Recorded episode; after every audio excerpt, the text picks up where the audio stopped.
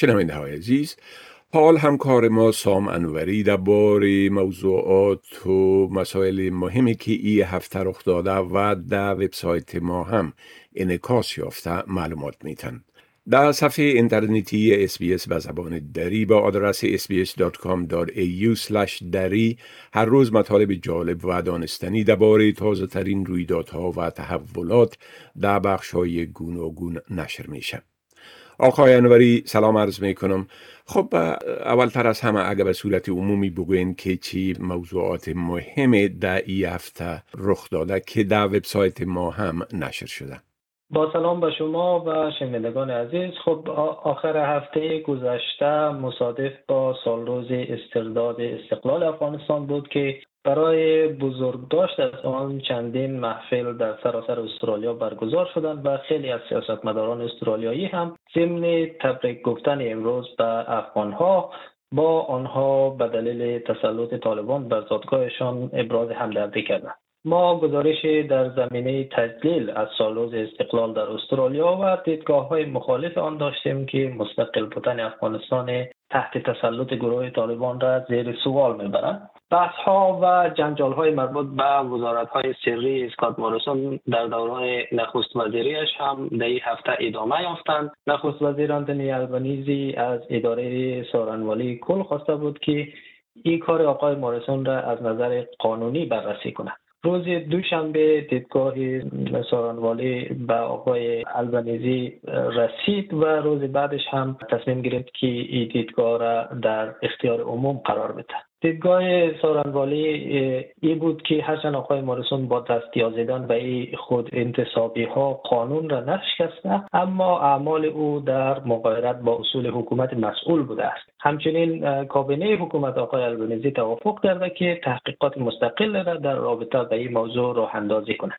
همزمان با این رسوایی نخست وزیر پیشین نظرسنجی تازه در سطح فدرال صورت گرفت که حاکی از افزایش چشمگیر محبوبیت حزب کارگر و نخست وزیر البنیزی بود.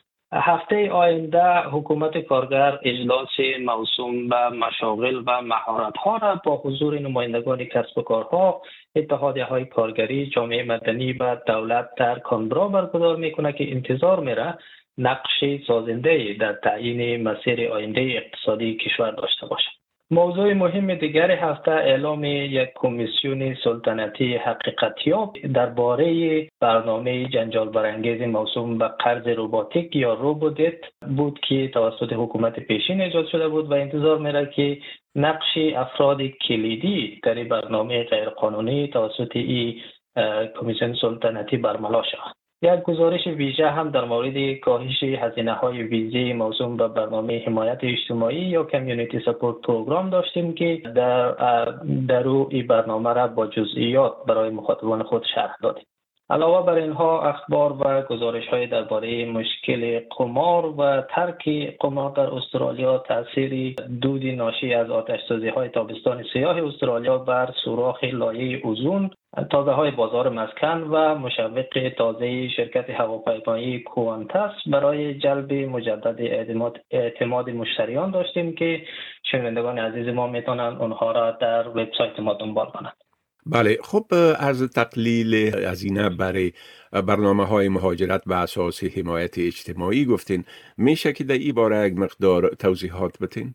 بله حکومت استرالیا از تقلیل قابل توجه هزینه های برنامه خبر داده که استرالیایی ها می‌تونن از طریق او پناهندگان را برای آمدن به استرالیا حمایت کنند ما در گفتگویی که با بسم الله رضایی وکیل مدافع و مهاجرت ساکن ادلاید داشتیم تلاش کردیم که این برنامه را با جزئیات برای مخاطبان خود شرح بدهیم.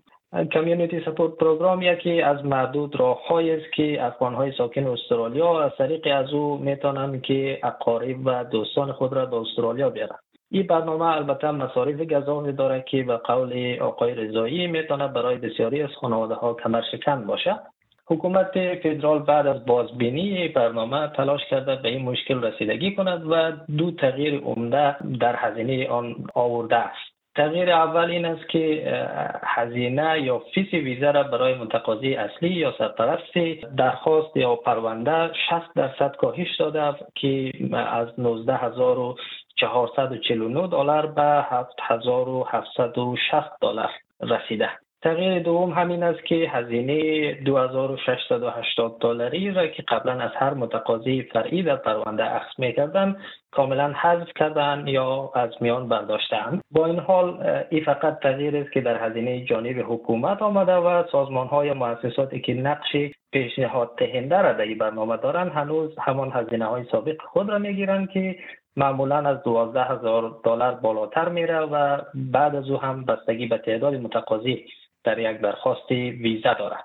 شنوندگان عزیز ما می‌تونند که شرح مفصل برنامه را در وبسایت ما بخوانند و ضمنا به مصاحبه ما با وکیل بسم الله رضایی هم گوش بدهند بله خب از نشست درباره کار و مشاغل و مهارت ها در هفته آینده گفتین. میشه که در این باره هم یک مقدار تفصیلات بتین؟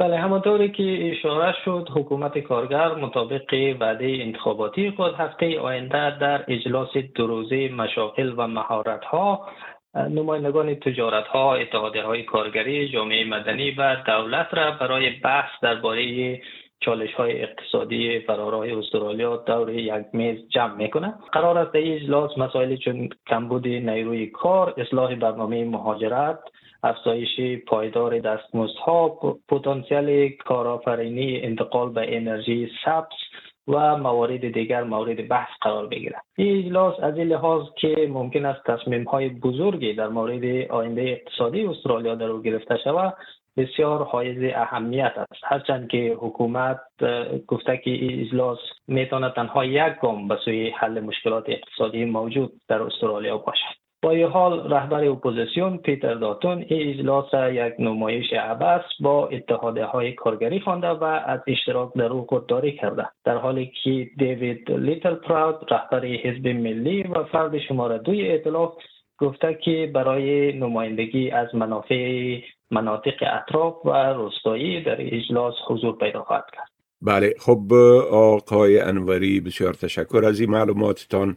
و فعلا شما را به خدا می سپارم. روز خوش و آخر هفته خوش برتان آرزو می کنم. تشکر از شما. خدا نگهدار.